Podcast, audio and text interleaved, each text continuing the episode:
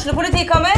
Ine Jansen er purk. Er du purk? The motherfucking bitch. Alt jeg vil, er å finne ut hva som skjedde med mannen min. Jon Carew. Er jeg sikta for noe? Iben Akeli. Det er du.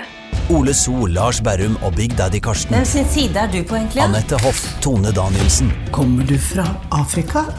Jørnis Josef, Nesten. Kløfta. Trond Espen Seim, Det er synd å si det, men det var feil mann som døde. Purk. Premiere tirsdag på TV2 Play.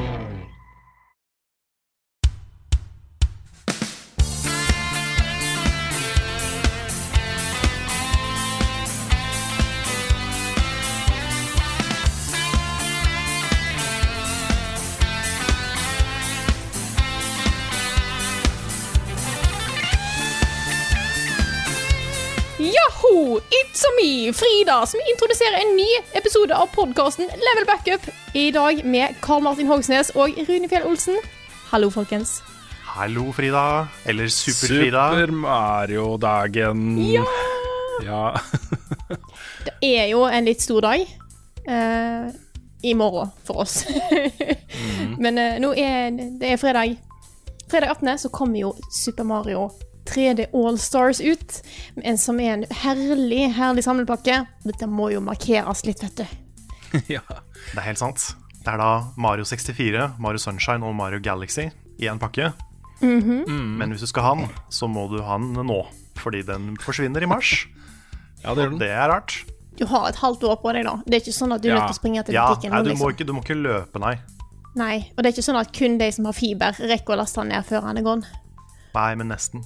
Ja, det, Hvis du har kjempesakte nett, sånn som det var for noen år siden, ja, ja. så når det tok en dag å laste ned en sang, liksom, da, da, nærmer, da, blir det, da blir det bad.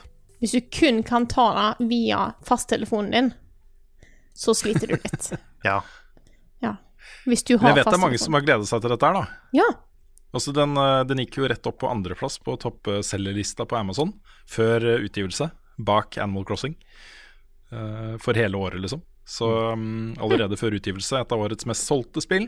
Der kan du se. Og ja, Men det er nok mye Mario Sunshine, tror jeg, som gjør det. Fordi Galaxy det. har jo blitt uh, gitt ut uh, Om ikke flere ganger, så i hvert fall vært tilgjengelig en stund. mm, Sammen Ja, med ja. Mario 64 har liksom blitt emulert på det ene og det andre. ja. Men Sunshine har liksom vært det vanskeligste spillet å spille nå, da. Det tror har jeg. egentlig rett i. Fordi Wii U kunne spille Galaxy, og liksom Du kunne kjøpe Galaxy 2 på Wii U sin shop, tror jeg til og med. Såpass, ja. Okay. Mm. Men uh, Sunshine har liksom bare vært GameCube, og så hadde du ikke GameCube, eller Wii, da, og spilte Mm. GameCube på den, så fikk du ikke spilt det. Nei, det er sant. Så er det, grei, det er vel greit å bare nevne også da at dette er jo ikke remaster, altså remakes, dette er jo eh, remasters, og ikke sånn super fancy remasters heller, etter det jeg har forstått. Det er basically de samme spillene med uh, Sunshine har fått uh, nytt 16.9-format, um, men ellers uh, ganske likt, da, originalene. Det blir jo emulert, eh, har de jo funnet ut. Eh, Mm. Bortsett fra Hvordan var det? De hadde fiksa litt opp i koden i Galaxy, tror jeg. Men det er okay. det, det, Jeg husker ikke helt hvordan det var. De hadde bare fått det til liksom, tilpassa switchen, tror jeg, på en eller annen måte. Men Mm. hovedsakelig så blir det emulert, da. Jeg, eh, men jeg har, jeg har jo òg sett rykte om at dette var nok Dette er jo ikke confirmed i det hele tatt, eh, så jeg bare kaster det ut der likevel. Eh, jeg har sett rykte om at dette var noe de begynte med i mars. Ja. Eh, og hvis det er tilfellet, så jeg klager jo heller ikke. For det jeg har sagt, dette har jeg sagt i mange år Ta Galaxy 1 og 2, egentlig, og bare putt det på en HD-konsoll, og det ser fint ut. Fordi at den, den, det spillet der ser nydelig ut i dag, men det har en 720-oppløsning. Så bare det å få det i 1080P er for meg bare Det er det jeg har hatt lyst på en stund. Og muligheten til å spille Sunshine igjen, helt enig. Mm. Og så kan de ikke bare gjøre det samme med, med Skyward Sword nå? For det Ja. også er sånn, det er dritpent, men det var veldig tydelig at ikke det var i HD. Så bare gi det ut i HD. Så må de, det må de fikse litt mer med kontrollsystemet. Metroid. Ukens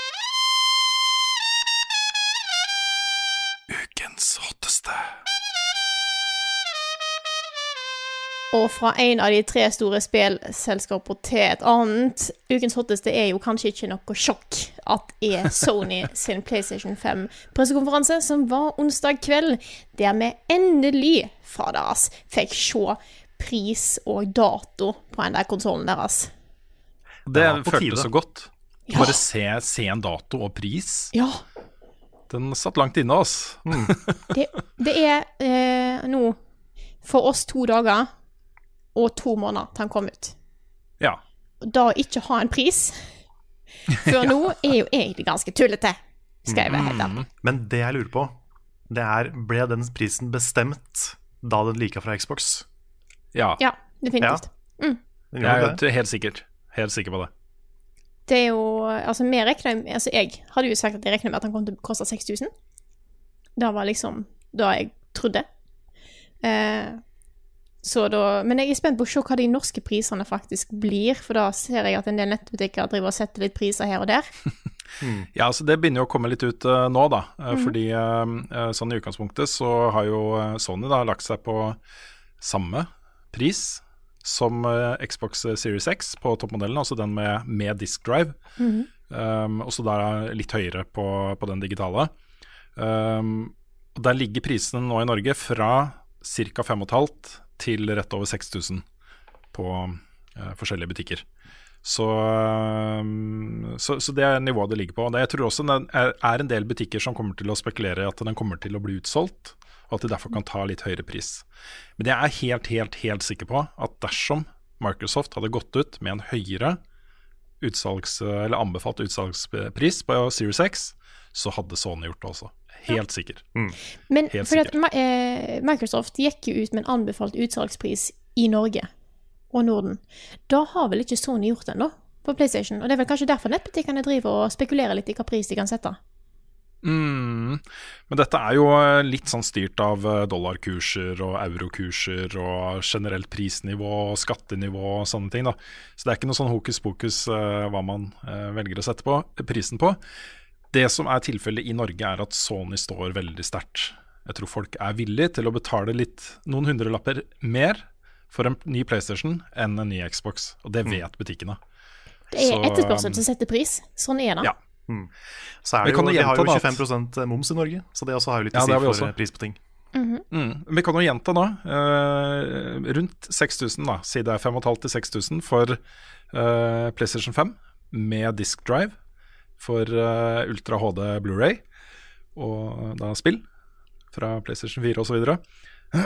Også da rundt f- 4500 til 5000 for den uten disk drive. Det er prisen. Lansering blir da 12.11. i USA, Mexico, Canada, uh, New Zealand, Australia. Kan det stemme? Japan? uh, Men i hvert fall den 19. november her i Europa, da. Det er jo det, den datoen som er viktig for oss. Um, så, så sånn er det. Og da kommer den da uh, ni dager etter nye Xboxen her i Norge. Så november blir som vi frykta og håpet på, da. Begge deler, egentlig. Sjukt hektisk. Sjukt, sjukt hektisk. Ja, fy faen.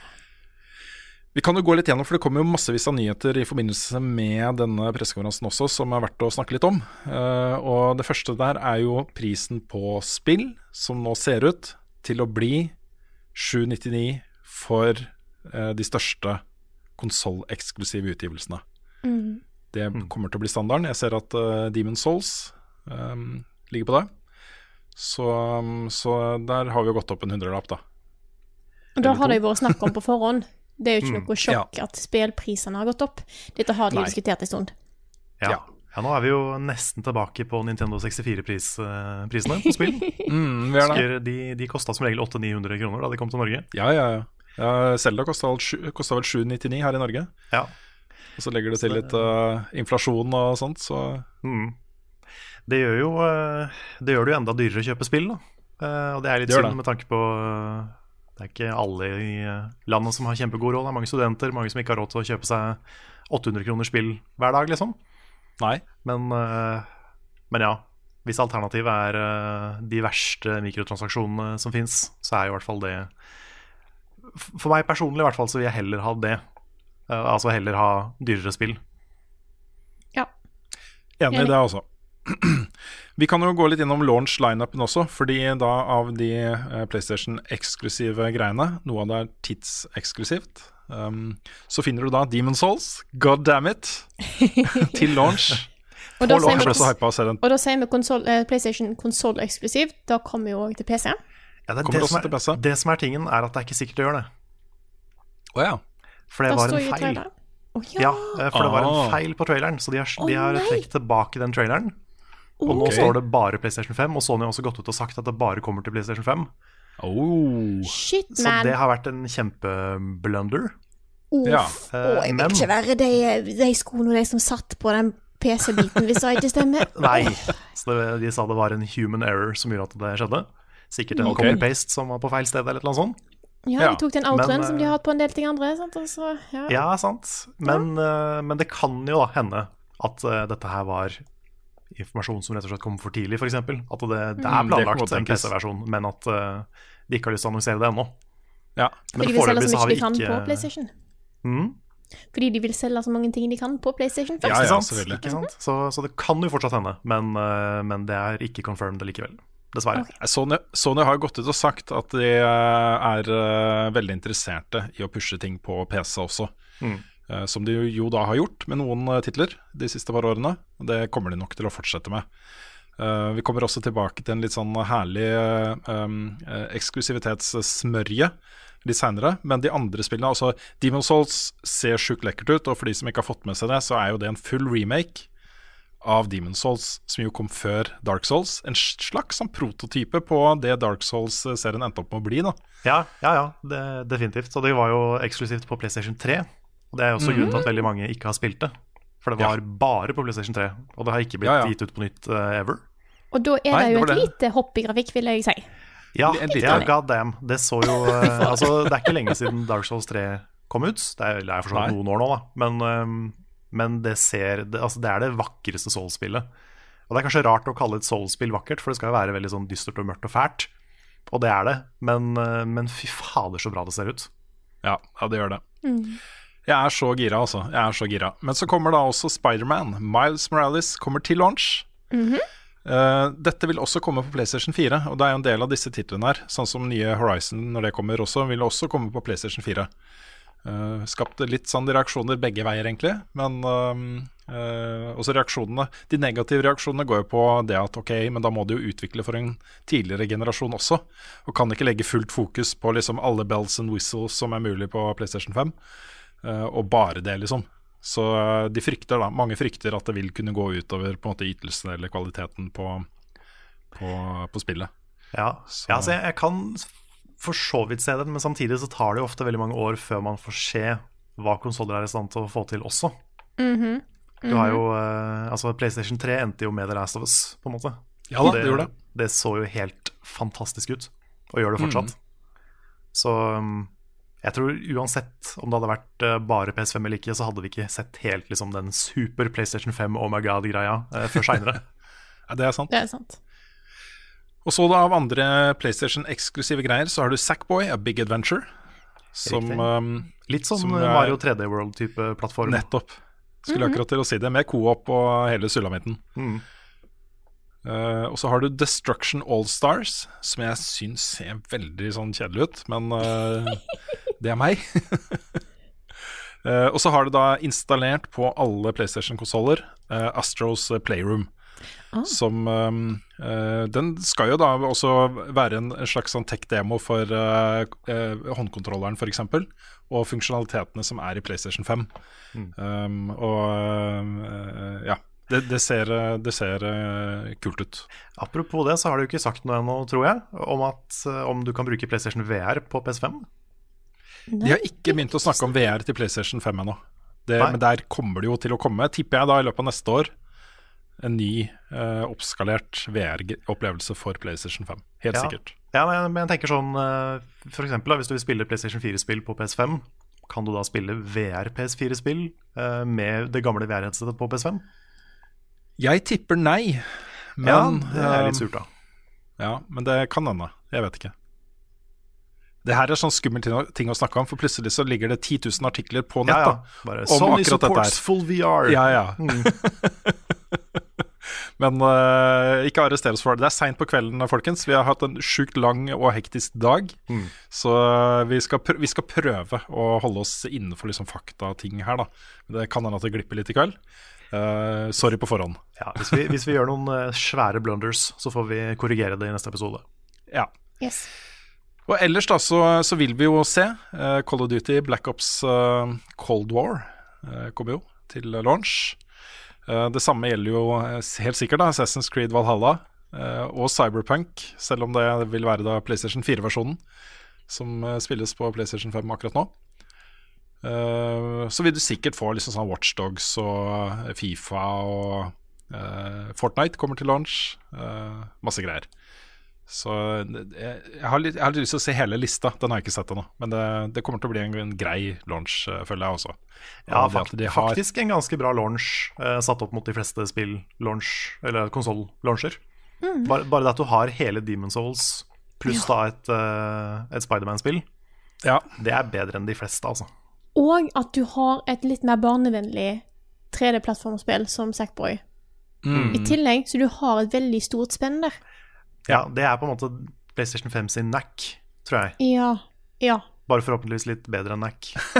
ikke at NAC ikke var et mesterverk, selvfølgelig, men, men ja. ja. Vi kan gå litt eh, kjapt gjennom uh, nye spill og greier og greier som ble også avduka på denne pressekonferansen. Må jo starte da med Final Fantasy 16. Oh my god. Da så Jeg ble så gira. Det så så kult ut, og det, det er jo et helt nytt team. Altså De har, ikke, de har jobba på ting før, eh, men, men et nytt eh, mainline Final Fantasy-team. Da, i producerrollen, han som redda Final Fantasy 14, det med Moe som var så legendarisk ræva, og som ble så bra. Eh, hadde- det er jo blitt laga dokumentarer om hva han gjorde liksom, for å redde det spillet. Og det teamet han satte sammen, og han, er liksom en, han har blitt en sånn helt da i Square Enix, og for, blant fansen. Han mm. blir kalt Yoshi P. Er liksom en sånn rockstar for uh, Ja. Final Fantasy 14-communityet. Eh, Og så har du um, og da, tenkte jeg, da tenkte jeg litt på deg, Rune. For det går rykter da om at uh, The Battle Designer er han fra, fra Devil May Cry 5. Oh, nice. Så det er kult. Ja, men det combat-systemet der var det, som, var det eneste som, som er sånn Hm, kanskje. Ja, Liksom. det ser ut For som det de så fett ut, altså. Ja, for det ser ut som de har brukt da Final Fantasy 15 og Final Fantasy 7 Remake som en base. Ja. Og så har de gjort det enda mer action og enda litt mer Devil May Cry. da Mm. Så eh, det er, eh, det er spennende. Ja. Og I tillegg så er det en del folk da fra, fra Final Fantasy 12 og Tactics, eh, Tactics og sånne ting som ikke har De har ikke jobba så mye på de svære spilla før, men dette er liksom da en helt ny sammensetning som er ganske spennende av folk. De har vært på pauserommet hos eh, Square Enix og spilt ping-pong i noen år. Ja, Nå er de på en måte nå kommer sjansen lagt- deres. Nå er sjansen deres her. Men det er, det er litt Eh, spennende, da, fordi det er, liksom et, det er et nytt team, det er nytt blod. Eh, Det, Ja. det, det virker som det har gått tilbake til middelaldersetting, sånn rein middelaldersetting, som ikke de har gjort på lenge. Mm. Og nei, det, det føles som en sånn, litt sånn frisk, ny greie i Final Fantasy-serien, Mm. og det tror jeg den serien trenger. Jeg likte combaten. Det så combaten så fett ut. Jeg skal gi dere den. Eh, det har kommet eh, mye da rot rundt eksklusiviteten til dette spillet her i etterkant.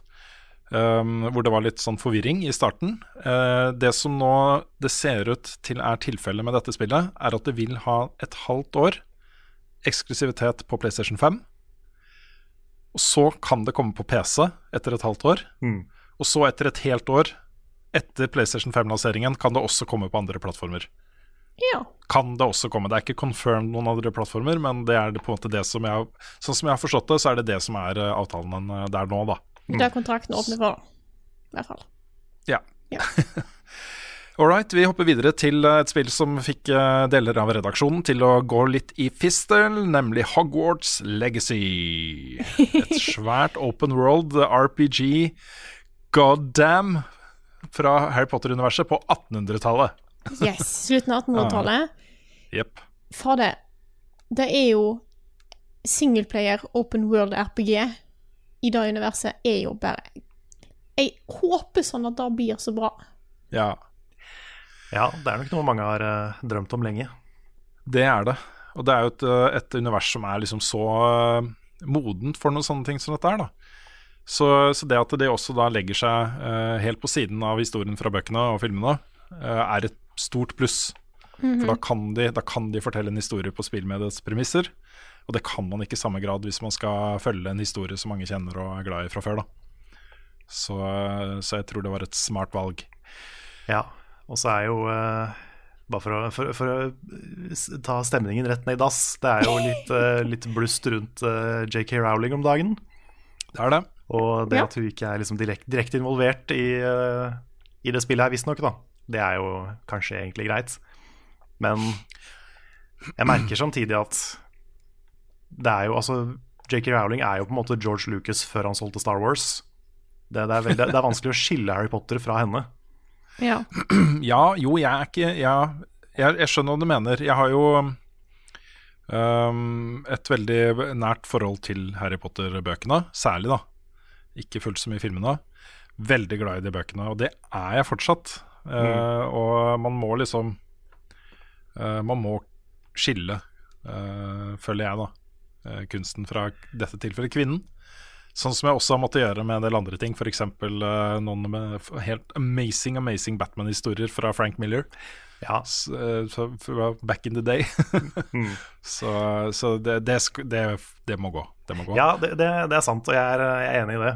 Um, samtidig, det som gjør det her litt komplisert for min del, det er det at hun har jo blitt på en måte ansiktet til en ganske stygg bevegelse, som er mm. imot uh, transpersoner, rett og slett. Som, um, og som, hun har også brukt eh, litt av formuen sin da, til å støtte eh, organisasjoner i England som jobber for å innskrenke rettighetene til de folka her. Og kjøper man Harry Potter-ting, så gir man jo henne penger, som hun igjen bruker til dette her. Ikke sant? Det, det sliter jeg med. Det er en ting Jeg jeg, oppriktig sliter med. Kan ikke folk bare la andre folk få være seg selv, tenker jeg. Ja, det Kan, kan ikke Så du har blitt milliardær, kan du ikke bare Kan du ikke bare nyte det, istedenfor å sitte på internett og hate folk? Ja, ja det, er, det er ubehagelig. Jeg går eh, videre til uh, ubehagelig på en litt mer positiv måte. eh, Ja. Nemlig en ny trailer fra Village, yeah. Resident Evil. Uh, det ble jeg skikkelig gira på. Det, det så amazing ut. Det var, ga meg sånn den samme følelsen som Resident Evil 4 gjorde. med disse falleferdige bygningene og folk som er helt klin gærne og, og sånt. Og en sånn derre vag eh, fornemmelse om at ting ikke er som det skal være. Det var, eh, jeg likte den traileren veldig, veldig godt. Det så veldig bra ut, og skummelt. Ja. Jeg takler jo ikke å spille sånne spill, men jeg har sett, så en full playthrough av Resident Evil 7, som jeg syns så Jeg skjønner at dette har en pil, for det er kjempekul setting og alt sånne ting. Det er bare for skummelt for meg. Så jeg gleder meg til å sette meg ned og se en Let's Play av Village. Yes.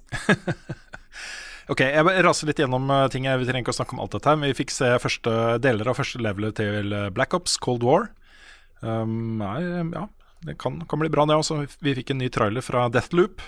Dette nye spillet til Arcane, de som har lagd eh, Dishonored. Stemmer. som også så bra ut. Devil May Cry 5 får en special edition til konsoll, som nå er conferred, ikke kommer til PC, med en del nye greier. Litt, um, litt Virgil, så det ut som. Ja.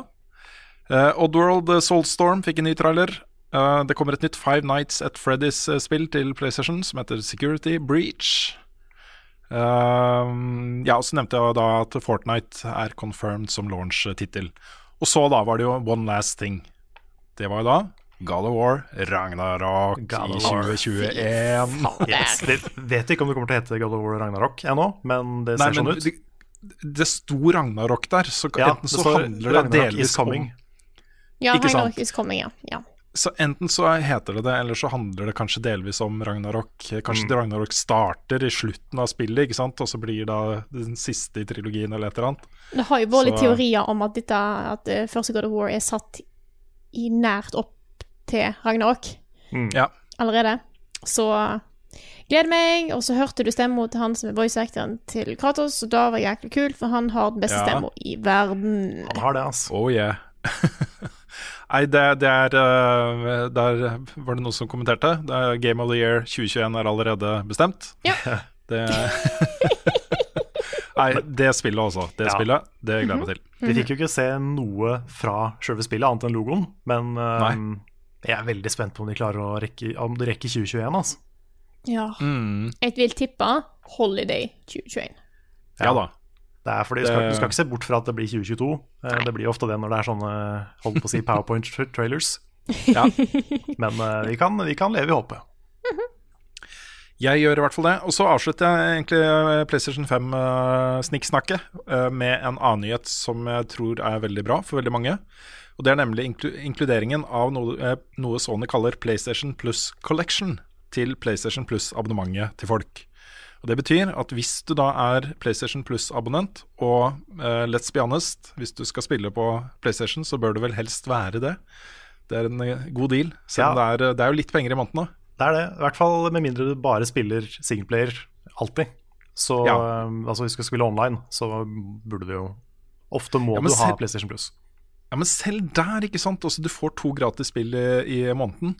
Og i løpet av et år, så det skal litt til også for at ikke det kommer to spill i, løp, i løpet av det året som du har lyst til å spille. Mm. Og da har på en måte abonnementet allerede betalt seg inn. Så eh, til og med eh, da går jeg ut ifra at spillene er på salg, da. At det er litt eldre spill og sånt. så, mm, så ja. Men det er det svære ting det er snakk om. Det er jo da blant annet God of War og Horizon og The Last of Us eh, Part Mm. 1. Remastered. Eh, nettopp. Mm. Eh, og så videre. Så my mye bra greier, da. Bloodborne. Fra PlayStation. Bloodborne, selvfølgelig. Bloodborne. Så, så en god deal, altså.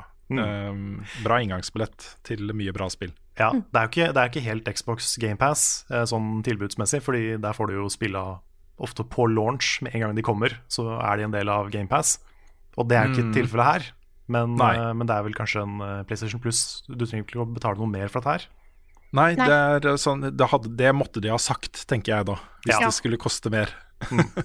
For de har bare sagt at det er inkludert. Nå kan det hende at eh, PlayStation Plus-abonnementet går litt opp i pris, da. Det vet vi ikke helt uh, nå. Nei, det kan hende. Men det gir jo litt Ja. mening også at det ikke koster mer, med tanke på at da har du mer å spille på PS5 når den kommer.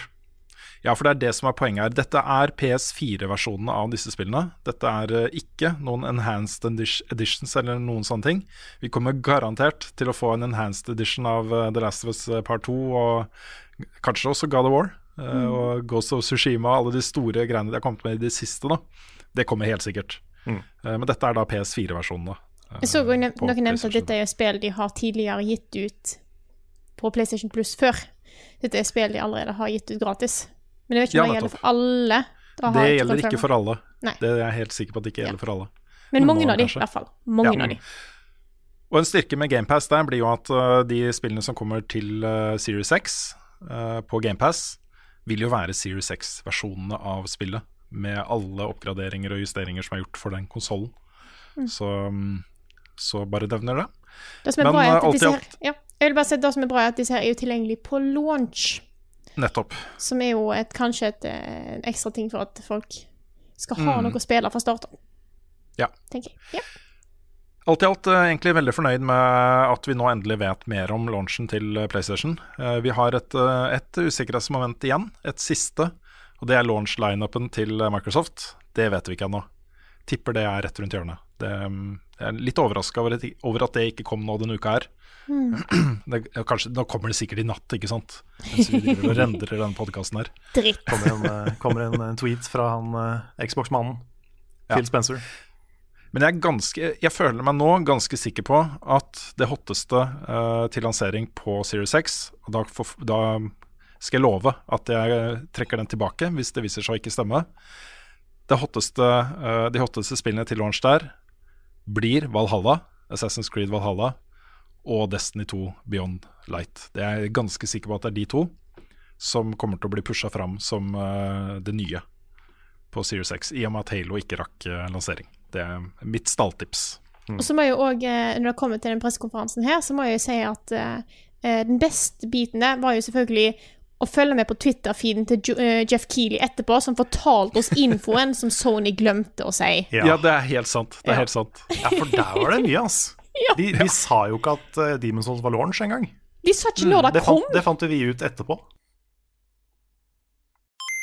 Hva har du spilt i det siste? Denne uka tror jeg ikke det er faktisk noe overlapp i hva vi har spilt. Og jeg tror vi har spilt tre forskjellige eh, nye og gamle spill, alle tre, så det er litt gøy. Så vi starter med Carl, vær så god. Ja. Nei, jeg har jo uh, satt meg ned sammen med Nick og Svendsen. eh, som, også- som dere kan også gå inn og se på Level Up-kanalen, for der, der har vi spilt. Hei. For vi har nemlig fått Eller vi fikk tidligere til, tilgang til den nye expansion, Isle of Sipta, til Conan Exiles. Så jeg er litt sånn Norge-represent i dag, eller Funcom-represent i hvert fall. Ja, ja. Yes. Og uh, vi testa det. Og eh, jeg har ikke spilt Conan Exiles i det hele tatt. Men det som var kult med den expansionen her, var at du uansett om du hadde spilt det før, så starta du liksom et nytt spill på et nytt sted. Så Nick var på en måte Han var ikke like noob som oss, men han visste ikke helt hva han skulle forvente, han heller. Nei. Så vi var liksom tre, tre stykker på bar bakke, skulle overleve ute i naturen. Med slemme fugler og ulver og ting og tang. Høres veldig ut som Don't Starve. Ja, det var For jeg hadde egentlig Jeg oppdaga da jeg begynte å spille det, at jeg hadde egentlig nesten ikke peiling på hva eh, Conan Exiles faktisk var. Jeg trodde det var mye mer sånn online eh, MMO-aktig spill, men eh, dette er jo veldig mye mer sånn 100% survival, Rust, Ark, den type spill. da Ok. Så eh, det minner meg veldig om spesielt Rust, men også litt Ark. At det var mye, virka som de hadde tatt mye inspirasjon derfra. Så du starter jo um, i bare truse på en eh, strand. Og eh, velger da Du bygger en, en character og skal bare overleve. Så du må drikke vann, og du må spise mat, og eh, crafte tools. Og bare de typiske survival-tinga. Du får mounts etter hvert. Og den delen vi ikke kom til mens vi spilte, da, men som vi kommer til seinere, det er den der bygge, bygge et fort-aktig greia. Ja, For det ser kult ut, altså. Det ser veldig kult ut. Da blir det plutselig mer Minecraft igjen. Mm. Så um, vi, har, vi har lyst til å spille mer. Jeg har i hvert fall lyst til å prøve å hoppe inn litt solo også, bare for å lære meg ting litt mer. Jeg merka at jeg var veldig grønn da vi starta. Men, um, men det har liksom, jeg syns det har potensial til å bli et veldig kult uh, survival-spill. Det er en del av de, uh, de spilla der, sånn som Ark, som da vi spilte det, så var det veldig nytt og veldig sånn early access-basert, og du merka at det var utrolig røft i kantene. Og det er litt av det her òg. Litt sånne funky animasjoner og ting som, som ser litt sånn rart ut, fordi sjangeren kanskje er litt sånn. Men jeg syns det har mer polish, og det er mer, det er mer kult og mer ferdig, da, føles det som. I hvert fall i starten. Enn det enn mange av de andre spilla i den sjangeren jeg har spilt. da. Mm. Så eh, ble, ble positivt overraska over Conan Exiles. Det er, eh, det er noe jeg liksom har flere ganger uh, sittet og vurderte å hoppe inn igjen, bare solo. For å bli kjent med. Det er kult. Og så liker jeg at du kan crafte mens du gjør andre ting. Så hvis du plutselig blir angrepet av en ulv, da, mens du crafter klær, så kan du bare gå ut av menyen, fortsette å crafte mens du slåss, og så, og så dukker klærne opp på deg Å ja, mens du slåss? mens du slåss. Oh, det er herlig. Så det er multitasking, altså. Ja, det er multitasking. Så det mm, Nei, så lagde vi litt mat og dro på jernjakt, og det, det føltes som et sånt uh, lite Minecraft-eventyr, nesten. Mm.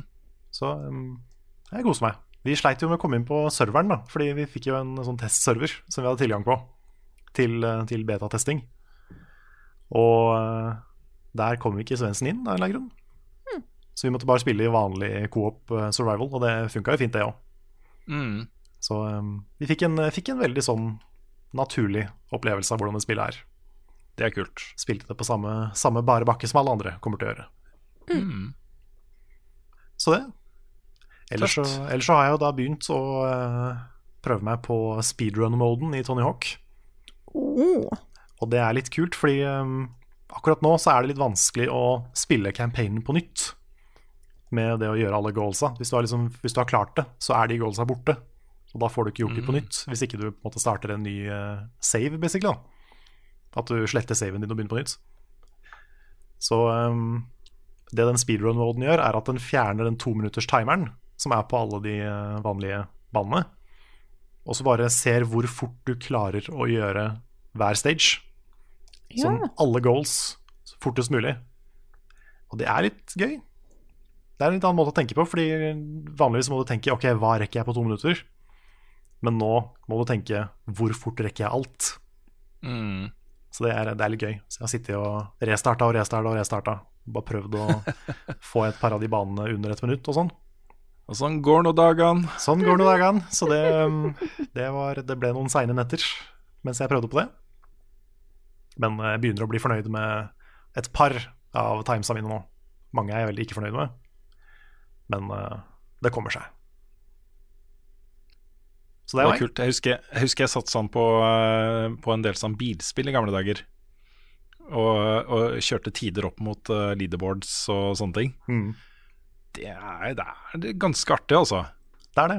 Jeg har fått uh, topp 1000 på noen, men det er ikke så mye høyere enn det. Nei. Så det er, jeg, er ikke, jeg er ikke en av de beste i verden, for å si det sånn. Men du Ja, er men du er blant jo de egentlig det, da. tusen beste i verden på Ja, noen tusen, av dem. Ja, det er mange millioner jeg- som spiller dette her. Ja. Det er for så vidt et poeng, da. Mhm. Det er det mest solgte Tony Hawk-spillet til nå. I hvert fall raskest selgende, er vel det jeg har sagt. Mhm. Og så kan vi, kan vi gjette oss til at kanskje si 20% har spilt speedrun. Mm. Kan hende det er litt mye. Altså 10% altså, da. 10 0,01 Ja, det er de som har spilt speedrun. Alle de andre har bare kjøpt spillet og så ikke spilt det. Ja. Ja. Mm, mm. Mm. Men eh, nei, men det er, eh, det er gøy å prøve liksom å få en bedre og bedre tid. mm. Så um, jeg ligger nok ikke på topp 1000 nå lenger, men jeg gjorde det for et par netter siden. Ok. Så nå er jeg kanskje nede på sånn 3000, eller verre. Men det er gøy. Git good. Git good. Git good. Skal jeg hoppe, hoppe inn? Kjør på. Jeg har jo da fått en oppfølger som jeg har gledet meg veldig til. Um, og det jeg innså nesten umiddelbart, var at jeg har glemt at jeg sugde skikkelig i det første spillet, selv om jeg var fryktelig glad i det. Fryktelig, fryktelig glad i det. Et av de kuleste indiespillene jeg har spilt. Uh, så huska jeg sånn umiddelbart Vet du hva, dette her fikk jeg jo ikke til. Jeg kom meg aldri helt gjennom engang. Uh, og det er da Spelunky. Spelunky 2 har kommet ut nå. Um, det har jo blitt mer et, uh, et sånt uh, sandkassespill enn det var. Forgjengeren var liksom veldig fokusert på uh, at du alene skulle komme deg gjennom uh, sånne random generated dungeons uh, med sjukt mye feller, og det er 10 000 måter å dø på, masse hemmeligheter og sånt hele veien. Um, nå er det på en måte mer fokusert inn mot YouTube-generasjonen. Eh, muligheten til å liksom dele kule klips og uh, uh, spille co-op med venner og eh, kanskje ødelegge, ødelegge litt for andre. Det, det er litt mer sånn aktivitet man gjør, enn på en måte den veldig fokuserte 'dette er hardcore permadeath'-type ting-opplevelsen. For du starter på nytt. Hver gang du dør, så starter du helt på nytt. Da må du gjennom da nye dungeons. Og det er jo alle fiender, og alt er jo på forskjellige steder hver eneste gang. Eh, Men så har det en del sånne elementer som går igjen. F.eks. hvis du plukker opp en diamant, så kommer det et spøkelse som chaser deg til du er ferdig med levelet. Eh, Masse, masse sånne ting. da Så eh, du begynner jo å kjenne igjen en del mønstre og sånt etter hvert. Men det er også så dårlig, det spillet der. Og det er sånn, det, Jeg har dødd så mange ganger. Uh, og og flesteparten av de gangene så vet jeg ikke hva som drepte meg. For det har gått for fort. Oh, såpass, ja. Så det må må være skikkelig på, da. Og det er sånn noen, noen ganger så tenker jeg I'm getting too old for this shit, type ting. At det er reaksjonsevnen min rett og slett som ikke helt henger med, da. For det, er, det går fort. Og um, eh, da er liksom to alternativer. Det er å bare spille det så mye at jeg kommer eh, in the zone og kan bare flyte på det. Um, eller så må jeg begynne med dop, eller noe sånt. Jeg begynner med Det doping. er én av to. Det, Ja, sånn. En, det ene eller det andre. Ja. Åh, jeg gleder meg til å lese i avisa. Spillrune, tatt i doping, måtte bli god i Spelunky 2. ja. Nei, men Dette her er et spill jeg gleder meg til å spille i coop med eh, særlig sønnen min. da Han er supergira på det spillet. her Jeg viste han en trailer for noen uker, uker siden. Han var sånn, Åh, han har lyst, lyst til å spille, eh, både med meg og med vennene sine. da Eh, Og det er, det er elementer her som jeg tror er sjukt gøy for kids.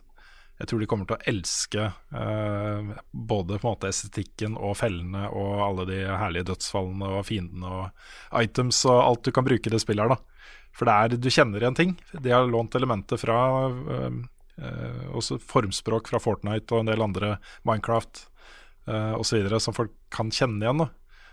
Men med sin egen vri. Så har det vært eh, litt reaksjoner på den visuelle stilen, fordi eh, den første var veldig sånn clean pixel art. Um, men li, litt sånn røffere i kanten, på en måte. Nå har det blitt mer sånn glatt. da Også litt, Overflaten er litt, er litt mer sånn glatte. Det ser litt mer sånn forseggjort ut, på en måte. Ja, litt samme som Rogue. Legacy har gjort. Stemmer. Og eh, min erfaring, eller min opplevelse av akkurat det, er i hvert fall at ok, hvis man har en issue med det, så går det over etter et halvt minutt. For det er, uh, dette er gameplay, gameplay, gameplay. 1000% gameplay. Uh, og det ser kjempebra ut, og du glemmer hvordan det forrige spillet så ut med en gang. Fordi dette er uh, Det er bare så smooth, altså, den opplevelsen. Så jeg håper at jeg klarer å bli god nok i det spillet her til å kunne anmelde det. Det er målet mitt, i hvert fall. Uh, men jeg skal i hvert fall spille det mer, og så se om jeg klarer å get good. For jeg trenger virkelig å get good. Jeg tulla med det, Stakar, men jeg trenger virkelig å get good i det spillet her. Så ja. Men jeg tror det kan ganske trygt anbefales også, til, eh, til de fleste. Det er eh, det jeg har sett av det. De første to levelene er veldig, veldig bra. Så, men det man kan si, da, også til mitt forsvar, er at de første to levelene kan jo være de to siste. Egentlig. Sånn, eh, de, kan jo, de levelene jeg har spilt, kan jo komme liksom litt senere. Ja, det er sant. Mm, Det er jo eh, procedurally generated. Yes. Mm. Jeg tror du går litt gjennom sånn environment, så at du skal innom liksom det og det, og så skal du innom det og det, og så innom det og det, og så er det innenfor de temaene, da, så endres, endres alt. Men eh, ja. Jeg har sett noen herlige, jeg anbefaler folk det er, et, ja, Hva er det? Det er en uh, grønns, Hvilken grønnsak var det igjen? Det er eh, noe de kaller Åh, pokkeren, altså. Hvor du skal ha med deg en Jeg tror det er en eggplant. Ja. Som, som var en item i det første spillet. Og Det er noe som kalles da eggplant run. Målet er da å ha med den eggplanten fra, du, fra starten, liksom, helt til slutten. Du skal ha med deg eggplant gjennom hele spillet. Det er nydelig. Ja, det er kjempekult. Oh. Og det er også, Kikk på speedruns av det spillet her. Også. Folk er overmenneskelige. Det er helt uh, latterlig å se på. Det er så fett, altså. Åh, apropos det, så jeg gleder meg så til å se Tony Hawk eh, 1 pluss 2 speedruns. Ja. Det kommer til å bli gøy. Mm. Yes, det er meg. Jeg driver og girer opp til, uh, til Embracelet, det norske spillet, og til Star Wars Squadrons, som er rett rundt hjørnet. Mhm. Og så er vi, Da er vi jo allerede i oktober, og så blir det uh, fuckings november. Og så tar det av. eh, ja, det, jeg er spent på om jeg husker hva jeg heter. Når vi snakker liksom sånn, eh, sånn 19.-20. november. Vet Ja. jeg hvem jeg er? Det er sånn barna dine kommer hjem, og så bare 'Pappa', og så svarer du bare 'Xbox'. ja. Og så kommer, kommer datteren din inn og så ja, men, 'Hallo, pappa. Er det deg, PlayStation?' Ja, men ok, bare for å tegne et bilde, da. Eh, Vi liker jo f.eks. eh, å komme oss helt gjennom spill vi skal anmelde. Vi, vi syns ofte det er veldig ubehagelig å måtte sette terningkast uten å ha sett hvordan en historie slutter. Det er viktig for oss. Ok, Og så har vi da en situasjon hvor det kommer to nye konsoller med x antall launch-spill som bør testes.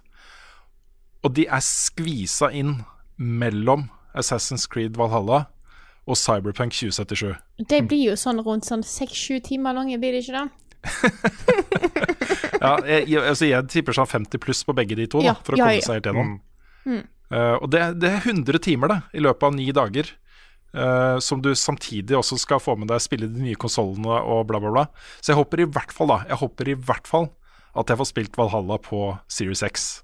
Det er liksom, jeg, da kan jeg kombinere Da både tester jeg Series X og Valhalla samtidig. Mm. jeg frykter at det blir sånn ok, man fokuserer på noen enkelttitler, som er de aller, aller største tingene. Og resten blir mer sånn der ok, vi får eh, klare oss da med fem timer av dette spillet her, selv om vi ikke er helt gjennom før vi anmelder det. Det må, komme, det må bli litt sånn. Vi, vi kan ikke gjøre det på noen annen måte, tror jeg. Nei, vi får, bare, vi får bare gi beskjed i anmeldelser og sånn om hva, hva vi har testa, Ja. hvor mye, hvor lenge. Ja. Ja, Bare så folk vet hva, hva det er basert på. definitivt. Kan jeg, Jeg kan jeg husker fra gamle dager, da, hvor det kom nye konsoller. Da var det sånn at da anmeldte jeg jo konsollen, og sjukt mange lanseringsspill til den konsollen. Så det var sånne samlesaker ikke sant? hvor det var anmeldelse av konsollen pluss da anmeldelse av med terningkast av kanskje fem-seks lanseringsspill. ikke sant? Oh, wow. Da hadde jeg jo ikke kone og barn, da, så det hjalp jo litt. Men uh, allikevel. Eller søvn, tydeligvis, vil jeg tippe. Uh, Nei. Nei. Eh, skal jeg fortsette? Er du ferdig? ja, Ja. ja, ja. ja. Tidligere, nå har, Jeg har snakka om dette i noen podkaster, men nå vil jeg bare avrunde mitt Spirit, spirit Fair eh. Da fullførte jeg eh, tidligere i uka. Eh, da fant jeg ut Altså, jeg, OK. Litt side note her. Da jeg var yngre, så hadde jeg en katt. Den katten har vært med meg store deler av livet mitt. Og jeg følte at den hadde en eller annen evne til å skjønne når jeg var trist. Og så har jeg lurt på, er dette en evne som alle katter har, eller var det bare den katten som var awesome? Og nå har jeg fått to kattunger. Og så sitter jeg i stua, rett foran TV-en på det nye teppet vårt, og ser slutten av Spiritfarer, og griner. Ganske sånn fordi at det var en sterk slutt. Eh, og da kommer en av de nye kattungene våre bort og setter seg i fanget mitt og ser på meg, og liksom går det bra. Og jeg bare sånn Jeg elsker deg. Du er helt amazing. Og det var bare det gjorde alt så utrolig sterkt for meg, da. Og så kom rulleteksten, og så er den glitcha ut til helvete. Oi. Ok. Um, så jeg aldri For det gikk fra at jeg var bare så emosjonell, til at jeg sitter der og skrattler. For, for rulleteksten kom samtidig. Alt. Ja. I en bolk. Oi. Og da Jeg tror jeg sendte deg en snap etter, Carl. Ja, jeg tror ikke jeg helt visste hva jeg så på, men Nei, eh, nei ja. og det var fordi at jeg, jeg tror jeg måtte skru av lyden, for det var en blanding av mine hikst og at jeg lo, fordi at alt bare ble så humoristisk. og det, på en måte, for meg så ga det en sånn humoristisk avslutning på det spillet som, som ble litt sånn Fordi det er så følelsesmessig, og plutselig så var det bare sånn, så satt jeg der og lo.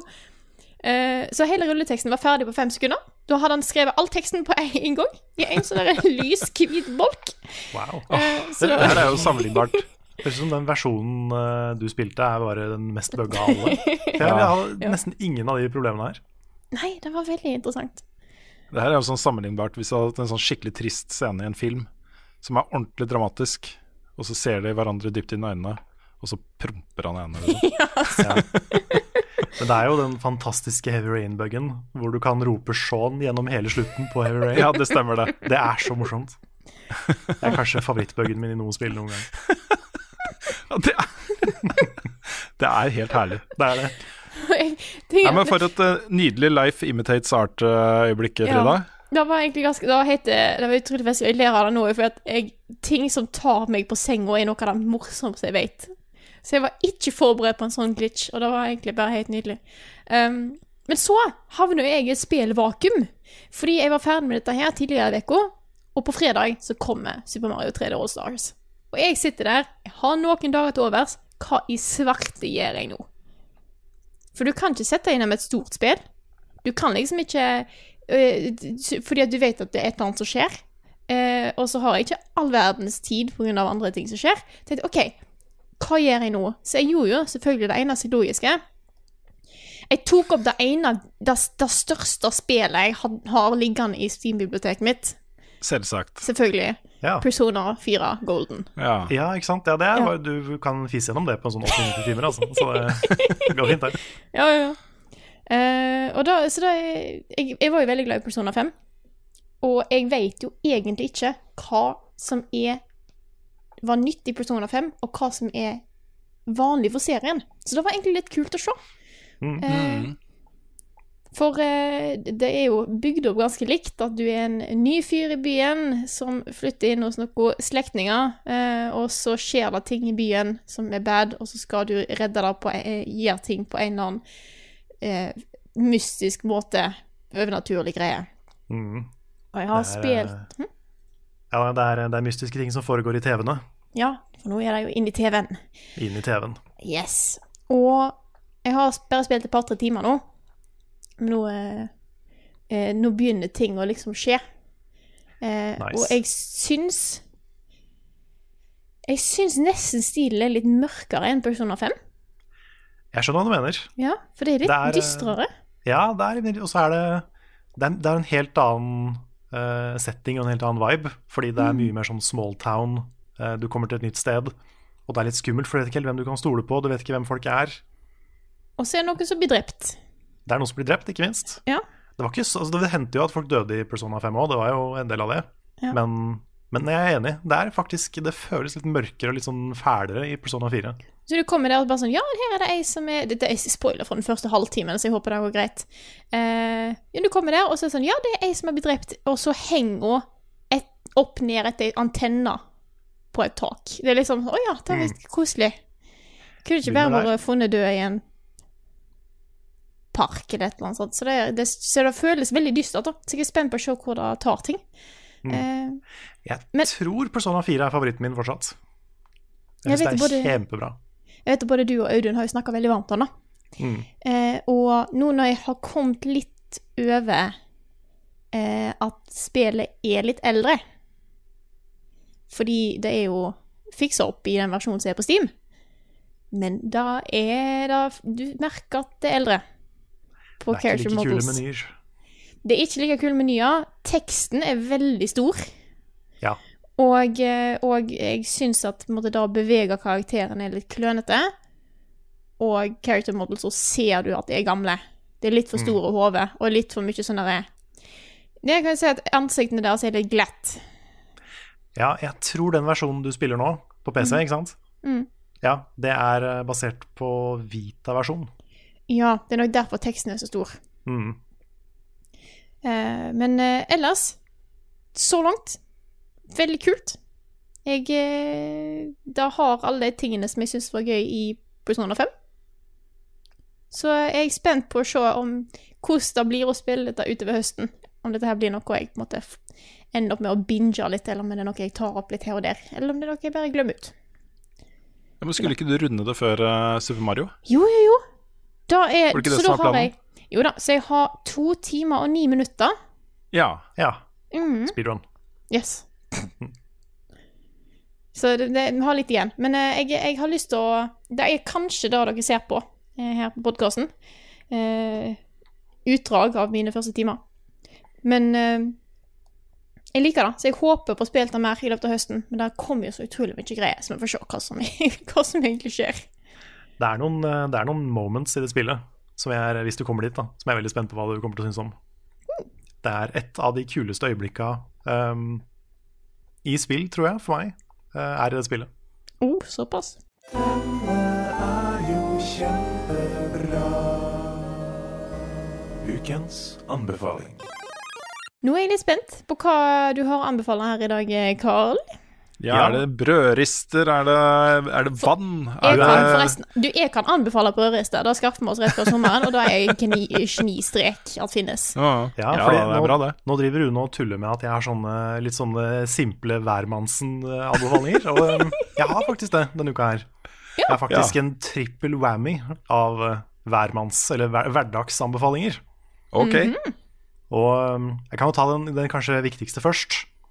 Og det er for Jeg nevnte jo for et par uker siden i podcasten at jeg har slitt med nakken og skulderen min. Ja, hvordan går det? Det er helt borte fordi jeg har vært Oi, hos oi, fysioterapeut. Og hvis du sliter med noen muskelsmerter, gå til fysioterapeut. ass. Ja, fy fader. De er wizards. De finner, i hvert fall hvis de finner riktig punkt og trøkker og gjør vondt og sånn, så, så blir det borte, ass. Mm. Jeg var der Jeg vil legge til, da. Jeg vil Ja. legge til at det ikke er det samme som kiropraktor.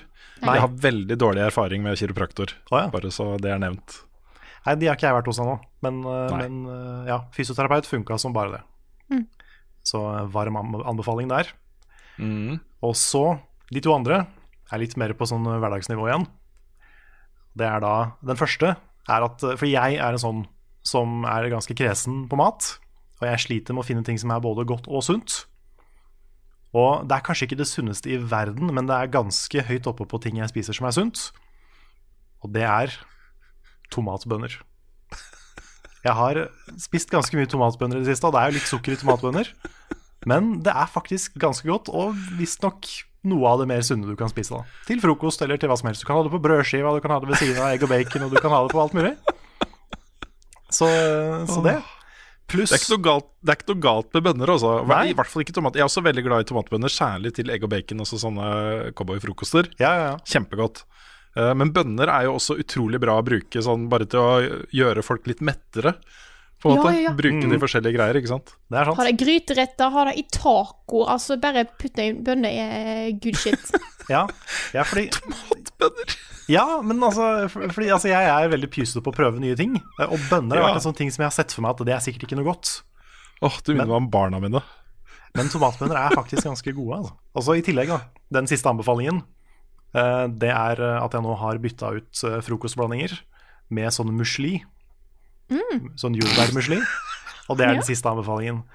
Altså her, her, hva, kan- jeg- her, her driver Rune og ler av hverdagsvisdom, altså. Ja, jeg, jeg, må ta, jeg, jeg må ta over Jeg må ta over kontrollen her litt nå. Jeg Ja. må komme med en anbefaling, jeg også. Mm. Uh, som, eh, som er en ordentlig anbefaling. Som om ikke dette her er ordentlige Wow. anbefalinger. Ja, Her eh, er det shady, ass. Ja, ok. Jeg, jeg, jeg, tuller, jeg tuller litt. Du, du, du kan få lov til å anbefale hva du vil, eh, Carl, i ditt uh, enkle lille, lille liv. Jeg skjønner at uh, Musli kan ha stor impact på Ja, men altså, det er en sunnere alternativ. Det fikk, fikk terningkast seks i test. Ja da, ja, ja. Ja. Jeg ler nå av, jeg ler nå av hele situasjonen, og ikke av deg, Carl. Bare, bare, jeg bare Nei, men det er greit. Det er greit. ja nei, jeg, øh, øh, jeg liker det like godt som før. Men må, kan jeg få spørre, kan, før Ja, du tar ja. din, eh, Rune, så har jeg et spørsmål. Mm, Karl, er det den jordbærmusli som jeg har sett hos deg før?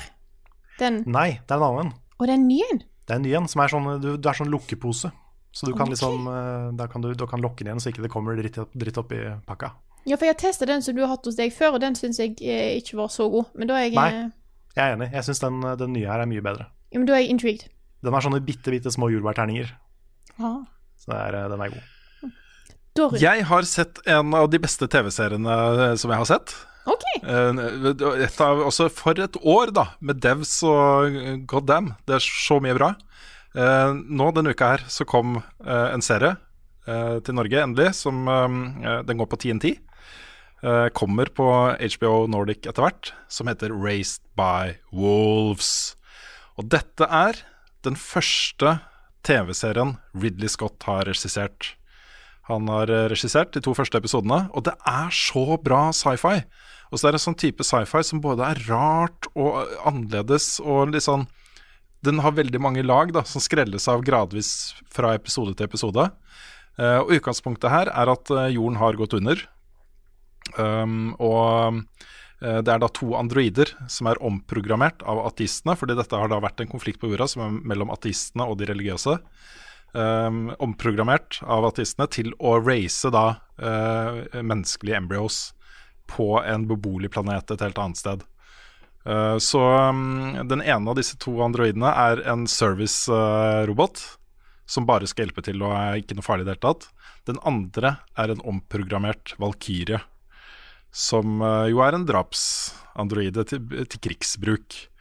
Eh, og så viser det seg da at uh, disse uh, religiøse har jo også reist fra jorden i det, det de kaller en ark, til samme planet.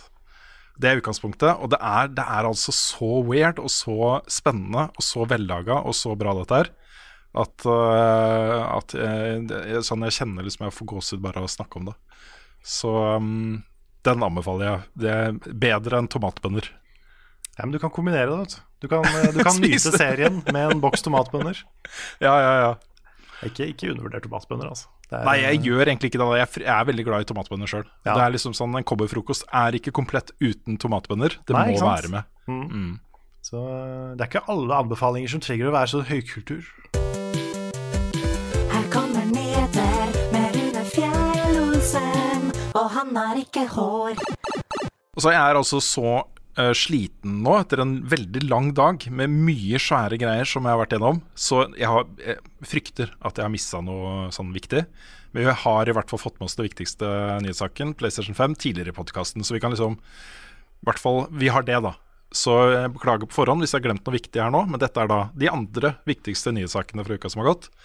Uh, og begynner da med en sånn liten uh, Nintendo Direct som dukka opp. Dette var jo da uh, en Direct hvor de ehm, viste fram eh, spill fra samarbeidspartnere.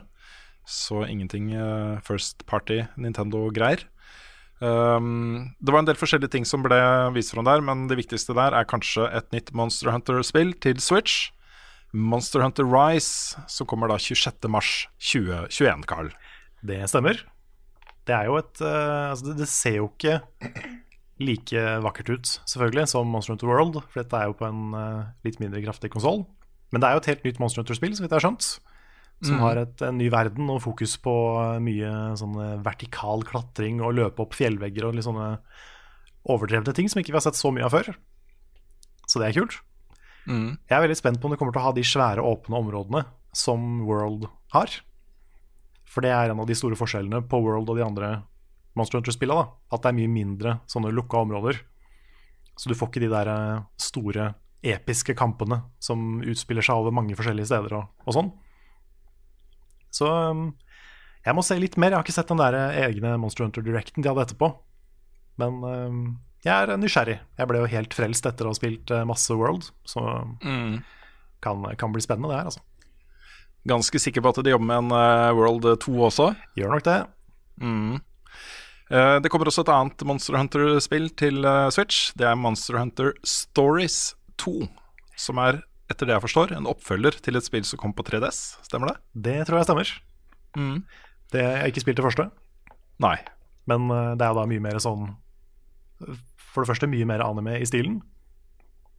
Og eh, kanskje litt mer sånn Jeg vet ikke helt nøyaktig hvilken sjanger det er. Om det er uh, turbasert, om det er uh, action-RPG, eller hva det er. Men, uh, men det er i hvert fall mye mer en sånn singleplayer story-greie, da, som Mm. ikke Monster Hunter har så mye til vanlig. Ja. Relatert, Nintendo har også stanset produksjonen av 3DS. Ja. Ja. Så der er den, den over. Det, jeg- det ante meg at på et eller annet punkt så eh, Når man har en håndholdt konsoll som Switch, så har 3DS-en kanskje utspilt eh, litt sin rolle. Men det jeg håper på, da, er at kanskje vi kan få noen av de herlige 2D eh, håndholdtspillene til Nintendo eh, tilgjengelig på Switch på denne håndholdt. Også det å spille disse på denne håndholdt-maskinen tror jeg kan bli ganske stas også. Eh, sånne ting som Metroid Zero Mission, eh, Metroid Fusion, eh, og Metroid Zero Mission og Metroid Fusion. Mhm. um, Og Metroid. Metroid. Ja, Metroid, ja. jeg vil ha 2D Metroid, ikke sant? Ja, jeg vil ha mer 2D Metroid. Så yes. Um, det ble også kjent at det kom, kom nå. Det, har kom, har, det er ute. Yeah. En liten, herlig liten trio av uh, store indiespill. Ori and The Will of the Wisps ute nå. Når vi var inne på 2D Metroidvania-spill, hei. Nettopp. Ja. Uh, The Long Dark, som ikke er verken 2D eller uh, Metroidvania. uh, og Hades er nå ute på Switch. Stemmer. Det ble det, Ja. Gå Ja, og spill hver. Jeg kan ikke si noe om de to siste, men spill Ori and the Will of the Wisps hvis du ikke har gjort det ennå. Ja, gjør det. Mm. Do it. Nå er jo begge på Switch, så du kan spille både eneren og toeren. Ja, det er kjempebra. uh, Ori and the Will of the Wisps får jo også da en 120 FPS-versjon på Xbox Series X seinere i år. Uh, gjentar det. Uh, og apropos, uh, det er egentlig, jeg sa det bare for å få en Segway til neste. Den er. Det er så mye forvirring rundt uh, både navnevalget og modell, uh, de forskjellige modellene til Xbox ut og går nå.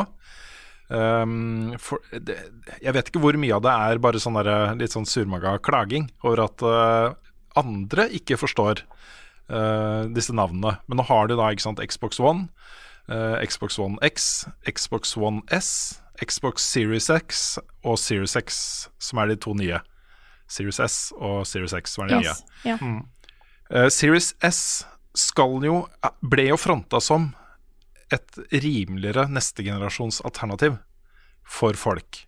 Men det har dukka opp informasjon uh, i uka som har gått, som får den kanskje til å fremstå mer som bare en ny Xbox One, på en måte. Fordi um, John Carmack, som jo er uh, tech-guru um, Ja, han har vært det i mange tiår. Eh, Doom, eh, Quake osv. Har jo gått ut og sagt at den rammen de har valgt da, i Series S, er for treig. Den vil slite skikkelig med å kjøre på en måte neste generasjons eh, spill bare pga. rammen. Eh, og Microsoft har også vært ute og sagt at i de tilfellene hvor Series X får enhanced versjoner av spillene, også oppgraderte versjoner av eh, Xbox One X-spill, så er det One S-versjonen som kommer på Series S. Og Det betyr da, folkens, at Microsoft sier jo da i praksis at Series S ikke er kraftig nok til å kjøre One X-spill, på en måte. Altså de, de, de kjører, henter da opp ikke sant, enhanced Series S-versjon istedenfor Series X-versjon. Det er, jeg, jeg vet ikke hvor mye det vil ha å si da for folk. Fordi eh, det vil jo være sånn at kjøper du en Series S, så vil du kunne kjøpe Halo Infinite og spille den på det. Jeg har et spørsmål. Ja, Det var for, det var for mange like ting. For det, der datt jeg av. ja du gjorde det, ja. Ja, jeg gjorde det. Fordi at jeg syns av og til så var det vanskelig Sa du X eller S, eller og, Så hva, hva var tingen der? Hvis du får enhanced Hvis det skal oppskalere spill fra Xbox One X til nye konsoller, så Hva var det som skjedde på S-en, sa du? Ja, den kan ikke, den kan ikke kjøre uh, um, enhanced-versjoner, uh, One X enhanced-versjoner, men den kan kjøre One S uh, enhanced-versjoner, var sånn jeg forstår det. Men hva vil det egentlig si? Ja, det vil jo si, da, tror jeg, at uh, man kan kanskje stille litt spørsmålstegn ved uh, framerate. Ved Ja, okay. da er jeg eh, lastetider. Ved raytracing. Ved sånne ting, liksom. OK, Mm. da er det greit. Dette her gjenstår jo å se hvordan det blir i praksis. Og jeg er jo øh, Altså, dette er jo ting som funker på PC. Hvis du, har, øh, hvis du gir ut et spill til PC, øh, så skal det jo sånn i utgangspunktet fungere for et ganske bredt spekter av maskiner. Så det er ikke sikkert det i praksis vil ha sjukt mye å si. Men jeg tror folk bør være klar over at man ikke kan gå ut ifra da, automatisk at en Series S er, et, er en voldsom oppgradering fra en One X f.eks., eller one, i hvert fall en One S.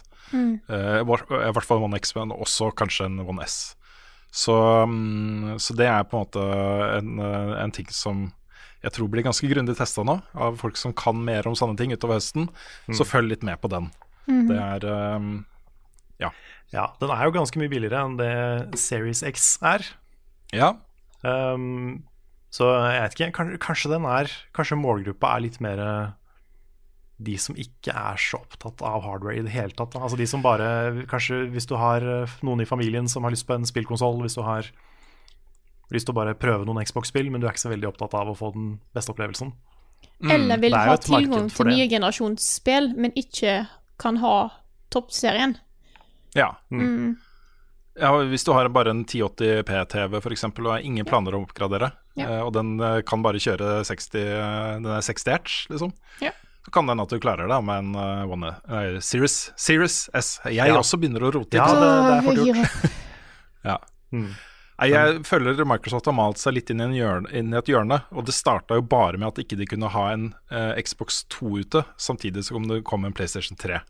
Ikke sant? Det Ja. var der det starta. De kunne ikke det. Det var ikke mulig. Det er sant. Men det har Så- aldri stoppa Microsoft å fucke med telling før. De kunne hoppa fra én til tre. De hoppa fra, de hoppa Ja. fra åtte til ti. Microsoft har Mm. tidligere vist at de kan ikke telle. Eh, det er sikkert derfor de har gått over til bokstaver. Jeg synes det er, de, de burde bare holdt seg unna tall i det hele tatt. Ja. Bare kalt den liksom Xbox, Xbox uh, Alpha, Xbox Omega, eh, Xbox eh, Valkyrie, eh, Xbox eh, Ikke sant? Ja. Spesielt når treen heter One. Det er sånn Microsoft har, har dere gitt opp? Ja. Har dere gitt opp fullstendig? ja. Men jeg, jeg gleder meg da veldig til, eh, til Xbox XP. Og så kommer Xbox Vista, og den er ikke så bra. Men så, men, men så slår de tilbake vet du, med Xbox 7. Ja. Og så blir det Xbox Door etterpå, next, etter, før du får Windows, da. Ja. Ja. mm. Og så får du Xbox uh, Dream Drop Distance uh, 0,2 Final Chapter Prologue. Altså, jeg, jeg, jeg tror Microsoft på en måte håper på at på et eller annet punkt i den her navne-confusion-greia, så vil på en måte folk bare kalle det Xbox. Ok, Jeg orker ikke mer, vi bare kaller det Xbox. Og så er det liksom Ja. Ja, det kom på Xbox. Ja. Mm. Nei, De har jo sagt også eh, tidligere at eh, det har de gått tilbake på, da. Men eh, de kommer nok til å prøve å lansere så mange som mulig av sine egne spill på Xbox One og Xbox One S og One X også. Eh, at det blir sånn dual launch, sånn som med PS4 og PS5 dobbeltlansering type ting. Ja. Da har du fem konsoller du skal optimalisere noe for. deg. I tillegg til at de skal ha det på PC. Ja. Ja. Det kan hende det Neida, blir vi- sånn som det er på PC, at du får liksom masse graphic settings, og så hva du har tilgang til, avhengig av hva slags konsoll du har. Mm. Ja, det er jo litt det. som skjer uh, behind the scenes, da, når du fyrer i gang det spillet. ikke sant? Den Mm. uh, ser hvilken hardware du kjører på, og så setter den innstillingene basert på det. Ja. Du har jo allerede en del spill på konsollen som har framerate mode eller opp oppskalert mode eller whatever, så Ja. kan hende det kommer mer av det. Mm. Og så vil jeg bare nevne til slutt, uh, rett og slett fordi jeg kjenner det rykker uh, i den lommeboka som eh, er fylt av de pengene jeg ikke har. Ja, Nå er jo da RTX 3080 er ute, Uh, og utsolgt, da. ja det gikk fort. Ja, det gikk veldig, veldig fort. Så um, eh, det er jo da det nye skjermkortet til Nvidia. Um, blir kalt en betydelig oppgradering. Um, så hva, jeg, har så jeg har så lyst på en Ikke sant, det, det starter ikke Det slutter ikke med liksom et skjermkort til 8000. Eller uh, du kan jo få det ned i kanskje 7500 eller noe sånt. Da må man jo ha mer ram og kjappere ram og kanskje en større SSD-disk og hele og en ny PC. 30 000, liksom. Det er det som blir eh, min case, fordi at jeg innser nå eh, at når det høsten nærmer seg, så er PC-en min fem år gammel. Ja. Eh, Og den eh, har egentlig ikke blitt noe særlig oppgradert siden 2015. Og nå ser jeg hvis jeg skal fikse noe nå, så må jeg fikse så veldig mye. Så jeg sitter og sperrer litt. Vi får, eh, vi får se hva vi får til eh, i selskapet vårt etter hvert. Hva vi har, Oh, yeah. hva vi har råd til. Det er sånn, Han klarer seg jo fortsatt fint. Det er derfor jeg egentlig glemt litt ut at sånne ting krever oppgraderinger. Men jeg tror, tre, jeg tror 3080-en er litt eh, Kanskje litt overkill for meg. Og Det er, uke kommer 3090. Ja, sant Ja. da. Gå for den Men istedenfor. jeg, jeg tror sånn helt oppriktig jeg tror ikke man må opp i 30 000 nå lenger for å få Nei. en bra gaming-PC. Jeg tror du fint kan ligge på rundt 20 og få noe dritbra. Ja. Ja da. Men det er noe med det, på en måte behovene våre, da, Karl. Som jo tilsier f.eks. at uh, den SSD-disken man setter inn, bør være så stor som mulig. Um, den bør ha liksom masse ram, og den rammen bør være kjapp. Um, og det, er, det begynner å balle litt på seg, da. Ja da, Og man må oppgradere skjermen og ja. ja. det er penger.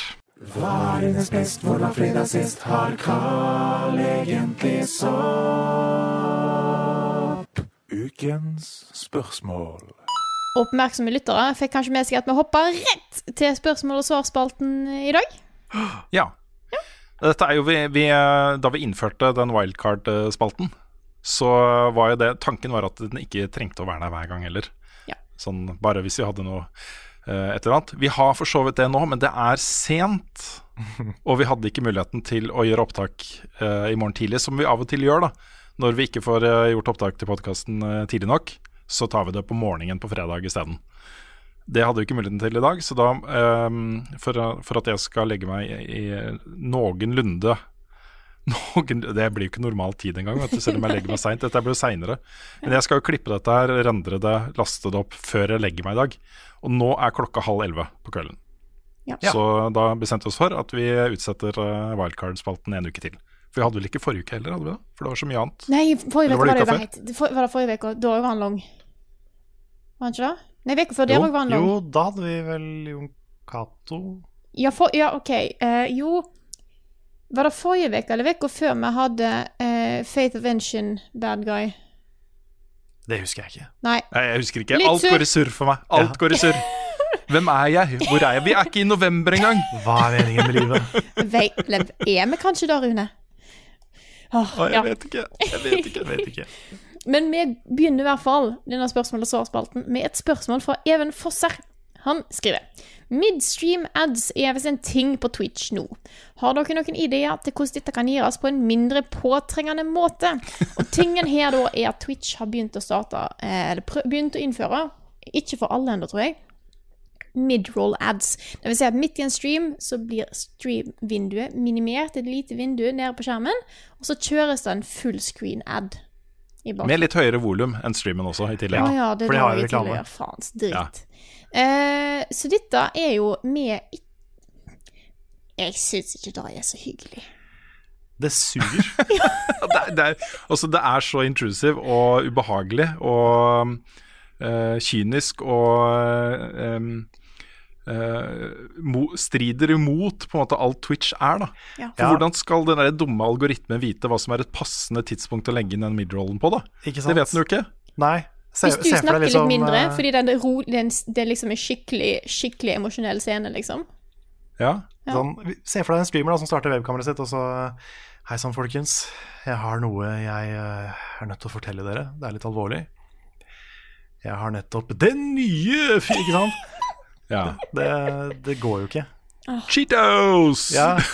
Flaming hot Cheetos. Så har dere noen ideer til hvordan dette kan gjøres på en mindre påtrengende måte, fjern det. Ja, bare ta Ja. det bort. For Jeg er- tror jo Twitch er lønnsomt, Ja. liksom. Ja. Mm. Jeg, for det som er tingen, da, så vidt jeg har skjønt, er at du kan ikke ta de vekk. Nei, med mindre du Nei. blir abonnent på kanalen. Ja.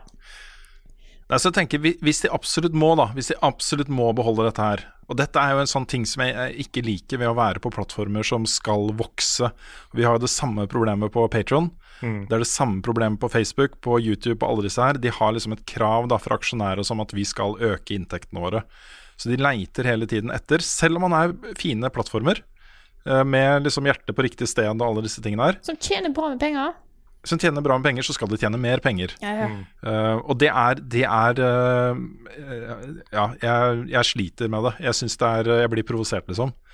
Um, men hvis de må, da, hvis de absolutt må uh, ha disse midroll-greiene og tjene mer penger, så kan de kanskje innføre en sånn vars, et varsel til streamerne om at om så og så lang tid eh, så kommer det midroll. Telle ned fra to minutter eller noe sånt.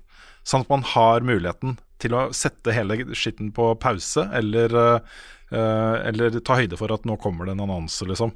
Mm. Um, Ja, for det, tingen er jo at den, den annonsen kommer jo ikke samtidig for alle. Den kommer jo helt tilfeldig for de som sitter og ser på. Og er det, er det sant? Ja, i hvert fall så vidt jeg har skjønt. Det gjør jo ting bare Da er jo hele mitt poeng ugyldig. eh, Ja, så, bare så der.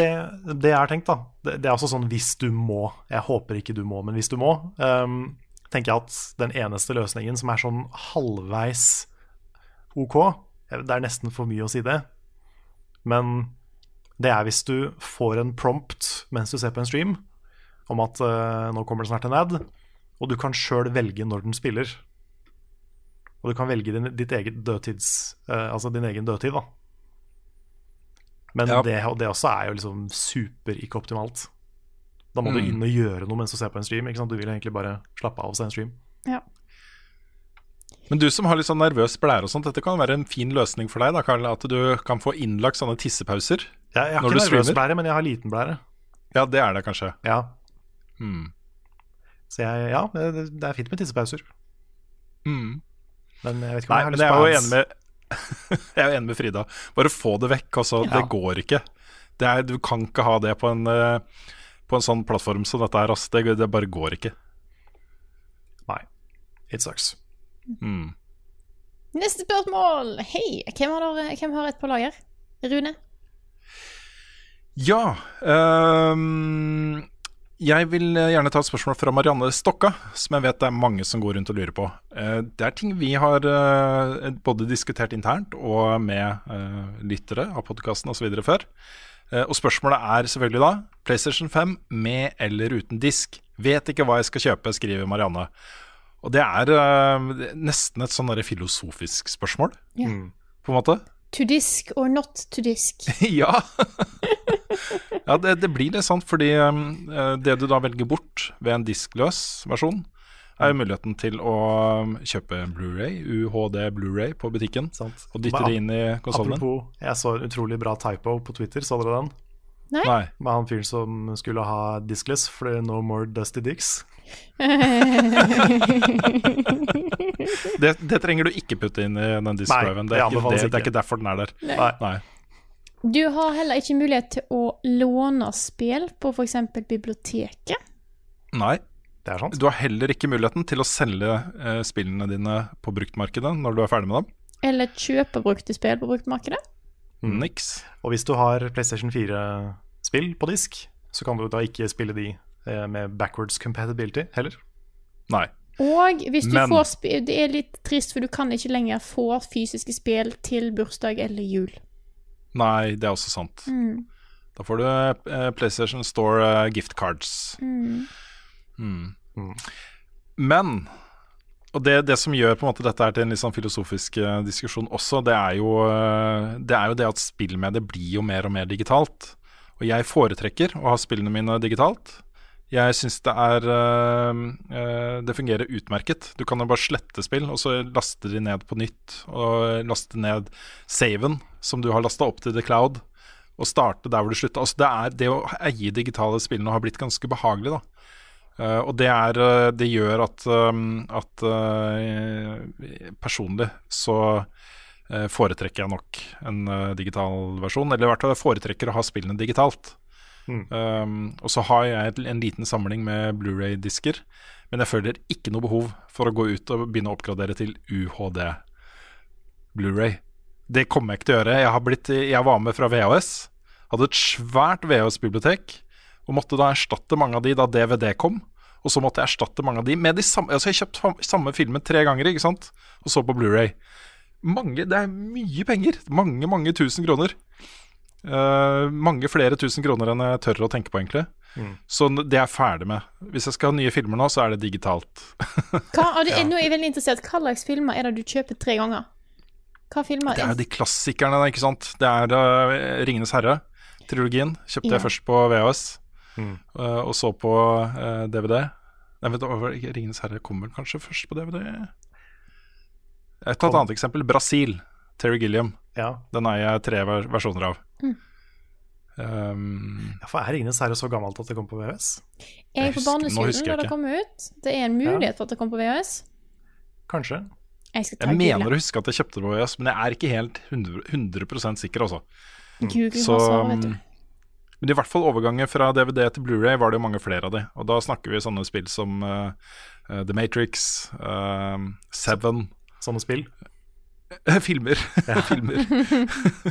Uh, The Game. Ja, så der- Ringenes der- herre fins ikke bare på VS, det fins som bokssett VHS. Ja, nettopp. oi, oi. nettopp. Ja. Så, så det er jeg ferdig med. Det trenger jeg ikke. Du kan Jeg har fiber. Eh, det fins masse gode digitale øh, filmtjenester. Jeg trenger ikke engang å eie filmene lenger. Jeg kan øh, leie de på, på iTunes eller noe, og se dem når jeg får lyst. Ja. Så, så for min del så er på en måte digitalt uh, that- that's the way uh, for meg. Men um, Ja, og så har det et annet moment, da. Og det er jo at dette diskdrevet i PlayStation 4 har skapt utrolig mye problem for folk. Eh, plutselig øh, begynte å ejecte spill og uh, late som den har en disk inni seg som den prøver å ejecte, men ikke får det til. Så du sitter og hører på sånn brrrt, brrrt, hele tiden mens du spiller. For du må vel uh, klappe PS4-en din, Carl?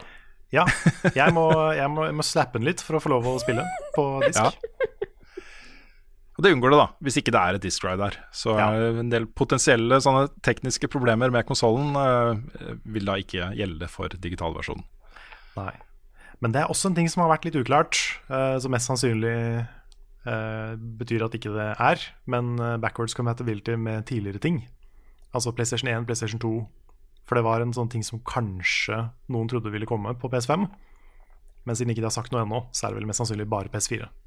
Ja da, det, det er nok det. Jeg tror alt som handler om PlayStation 1 og 2 og 3 uh, snakker vi PlayStation Now, også denne streametjenesten deres. Ja, Men det, det som er kjipt med den, er at du må jo, du må jo streame de. Du kan ikke laste de ned. Noen av de kan du laste ned, men det Nei, er ikke, ikke eh, PS3. Nei, det er eh, bare PS4. Ja, sant? bare PS4. Ja. Mm. Ja, det, kanskje det blir noen sånne løsninger der etter hvert, da. Men, uh, men uh, ja, det er nok uh, en del der. Det burde være en eller annen sånn teknologi hvor du kan bøfre spill, tenker jeg da.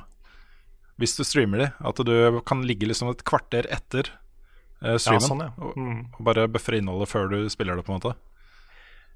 Ja, det, jeg vet ikke, sånn, fordi du må jo Det innholdet avhenger av hva du gjør, da. Vet du hva, hele poenget mitt er fullstendig ugyldig. Må finne ut hvordan svarte Det er sånn, Du har AI som? Det, det, forutser dumme, det er det, hva du tror jeg, det er det dummeste jeg har sagt noen gang. Kanskje, hvis du, kan, kanskje du kan bøffe liksom loadinga på en eller annen måte? Eller bøffe environments? Men jeg Neste spill level, altså. kanskje. Men det, jeg, jeg, jeg satt her og nå tenkte jeg så Ja, det, det- knakte rundt. Ja, Hvordan i ja, svarte Men det jeg tror jeg tenkte på, det er at det er jo mulig å, når du laster ned spill digitalt på PlayStation 4 f.eks., Det tror jeg Så- tenkte på. så, kan, ja, så kan du jo begynne å spille de før det er ferdig lasta ned. Ja. Så jeg Ja. tenker at du laster ned portions, altså er deler av spillet Ja, på, sånn, ja. lokalt, og spiller det. Ikke sant? Mens den lodder inn nye ting i bakgrunnen. Det var det, var det jeg Det tenkte. kan jeg. Det var det Det jeg kan. Kvarter input-lag. Ellers må vi lage en algoritme som skjønner hva du kommer til å gjøre 15 minutter fram i tid, og så gjør den det for Ja. deg. ja, ja, hvis Nvidia får lov til å fortsette med denne predictive teknologien sin, så Ja, ja. Mm. Oh, nå er jeg trøtt. Nå er jeg skikkelig ja. Gjett om jeg er, da. Gjett om jeg er.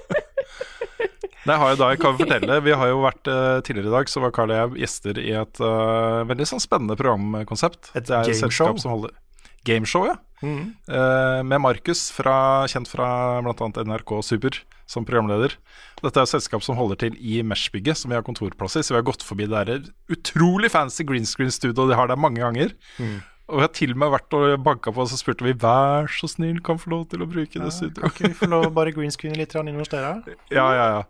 Nei, så når de spurte om vi var gjester i dette gameshowet, som foreløpig er eh, bare sånn under testflight på IOS eh, Planen er en full launch eh, neste år, tror jeg. Hvor konseptet er at, man, at publikum på en måte spiller et spill gjennom uka, og så er det live to ganger i uka, hvor de spiller mot programledere. og Nei, jeg mener gjester i programmet.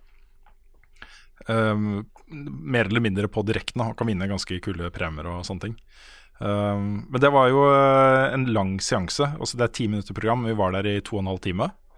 Med eh, et, eh, først et sånn lite testopptak, og så en generalprøve, og så en innspilling. Så det er jo bare så sjukt mye proffere enn vi opererer, Karl. så, så vi var litt sliten etterpå. Og så liksom rett på et nytt møte, og så rett på eh, en sånn eh, eh, ordstyrerjobb som jeg måtte Eller jeg fikk tilbud om i dag, liksom, på Deichman. Med Robert Steen, altså pappaen til Mats, denne saken. Denne voldsomt engasjerende saken til NRK, og som han har nå også skrevet bok om. da Og Newburk. Så jeg skulle være ordstyrer der, og jeg hadde jo ikke Jeg fikk jo en halvtime til forberedelser. Og så rett hit og gjøre podkast. Så jeg er så kake i huet nå. Det er uh, sjelden, altså. Jeg er så sliten. Så i morgen, folkens, så tror jeg at jeg avspaserer. Rett og slett. Så bare så det er nevnt. Det er lov. Hadde vært Ja. veldig greit, eh, siden hjernen funker litt dårlig, om eh, vi hadde hjernen kunne bare liksom buffra hva du har tenkt å si 15 minutter fram i tid. Mm, Ja. Det hadde vært fint, det hadde fint, Det hadde vært fint. Mm. Kanskje kan buffre litt søvn på forhånd. Ja. Oh, Preload ja. søvn. Oi, oi, oi. Har du et spørsmål, Karl? Ja. Det er fra Hild N. Holmquist, eh, som spør siden Demon's Souls kommer på PS5, som launchspill til og med, om jeg har forstått riktig, er det noen sjanse for at vi får en runde med Soulmates der Rune blir guida gjennom Demon's Souls? Å, det hadde vært så digg. Mm. Og det er, vet du hva, det er ikke helt utenfor uh, for mulighetenes uh, Nei. Klarer du å vente, er spørsmålet. Ja, men får jeg vente? For jeg vet jo ikke hva NRK vil ha anmeldelser av nå. Ja, sånn, ja. Det Du får kan bare, du får bare at fortelle dem at nei, Demon's Souls, det er ikke noe. Det er ikke noe vits å å Det anmelde er det. noe sånne smågreier er ingen bryr seg om. er Gammelt dritt. Ja, nei, eh, men det hadde vært Tenk deg, da.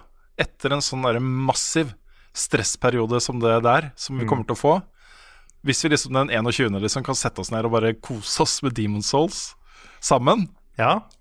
Åh, det hadde vært, eh, det hadde vært eh, balsam for sjelen, altså. Mm. Jeg tror uh, første Soulmates starta i januar. Kanskje vi skulle starta en ny sesong med Soulmates i januar?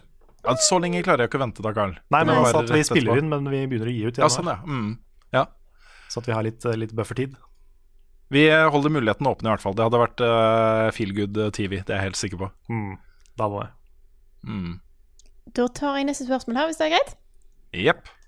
Dette er fra Marius Ren Heide. Han skriver Hvordan tror dere dagens gaming hadde vært om online multiplayer hadde vært PC-eksklusivt, sånn som det var før?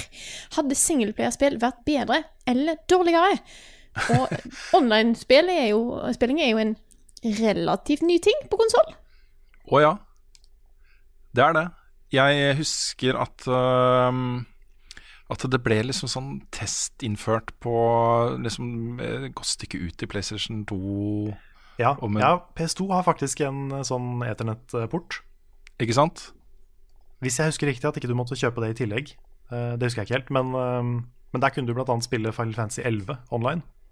Nettopp. Og, og dele tracks og sånn i Tony Hawk. Mm. Men det var liksom først med innføringen av Xbox Live som det ble liksom satt sånn ordentlig system. Da. Det er jo det er ikke så gammelt, liksom. Det, Nei, det er sant, da. nei. Da hadde jo det vært online multiplayer på PC siden uh, tidlig 90-tall, liksom. Før det også. Ja, Med ja, så, enkle- vi så den derre den der, eh, Ikke Good Game, hva het den igjen? Den på Netflix. Eh, High score. high score? High Score. High Score. Der gikk du inn på hvor tidlig det faktisk kom online multiplayer. Det var Mm. tidligere enn jeg trodde. Altså. Ja, det var det. Så eh, det, det var interessant, det der. Jeg bare syns det var en interessant betraktning. Det var noe PC-spilleren hadde for seg selv. Mm. Og de satt og hadde svære online eh, Quake-communities og eh, massive online multiplayer-spill, og det var liksom ikke måte på hvor mye de gjorde online. Og dette kunne jo ikke konsollene fått til. Take that, plebs. plebs. det er litt interessant å, å diskutere eh, gaminghistorie eh, her i huset. Fordi at jeg er jo vokst opp med konsoller, mens Petter er vokst opp med PC. Så han har mye mer eh, altså minne til multiplayer-opplevelser eh, online. Mens jeg har mye Alt er jo local på, på konsoll, og multiplayer der var jo selvfølgelig couch co-op. Du hadde ikke noen annen mulighet enn da. Nei. Nei. Så jeg tror kanskje jeg har blitt en mer singleplayer-spiller av at jeg har vokst opp med det. Det kan hende. Kanskje.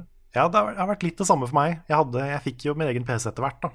Men eh, jeg er likevel fortsatt å være en veldig sånn singleplayer-type gamer. I hvert fall i veldig mye.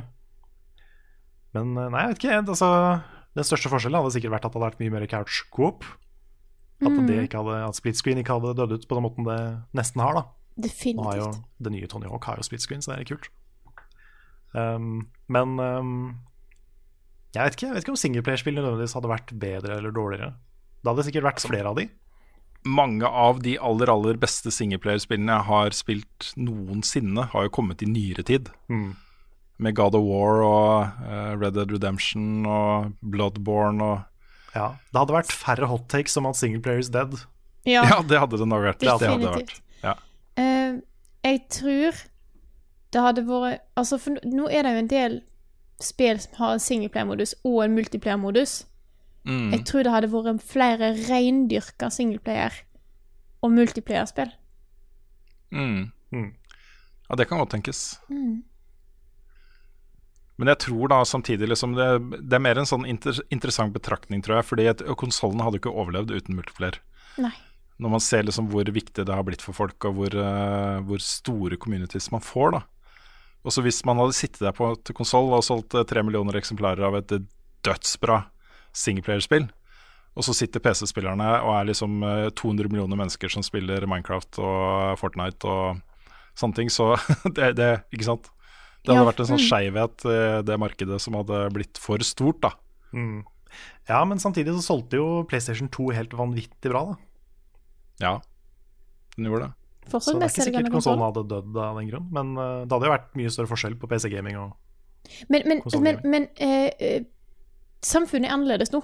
Samfunnet er mye mer nettbasert.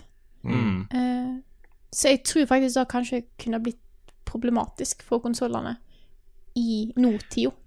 Ja, kanskje. Og hvis det hadde skjedd, da Ok, nå nærmer vi oss faktisk et svar på spørsmålet. Hey. Okay. Hvis det hadde skjedd at man hadde solgt mye færre spill fordi de ikke var online, så hadde det gått utover kvaliteten på singelplayerspill. Det er helt sant.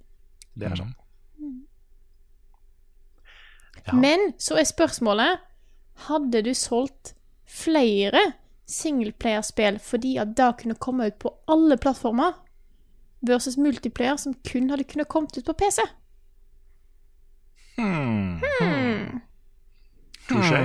Mm. Det er sjukt det er sjukt mange spillere på Steam, da. Sjukt mange. Ja da. Nei, det er eh, vi kan, vi kan dessverre ikke se inn i den, eh, det alternative universet. Mm. Og hvor, hvor hadde telefoner vært oppi det her?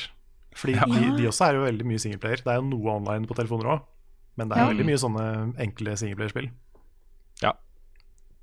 Det er det. Har dere et eh, skal, skal vi slutte å synse der?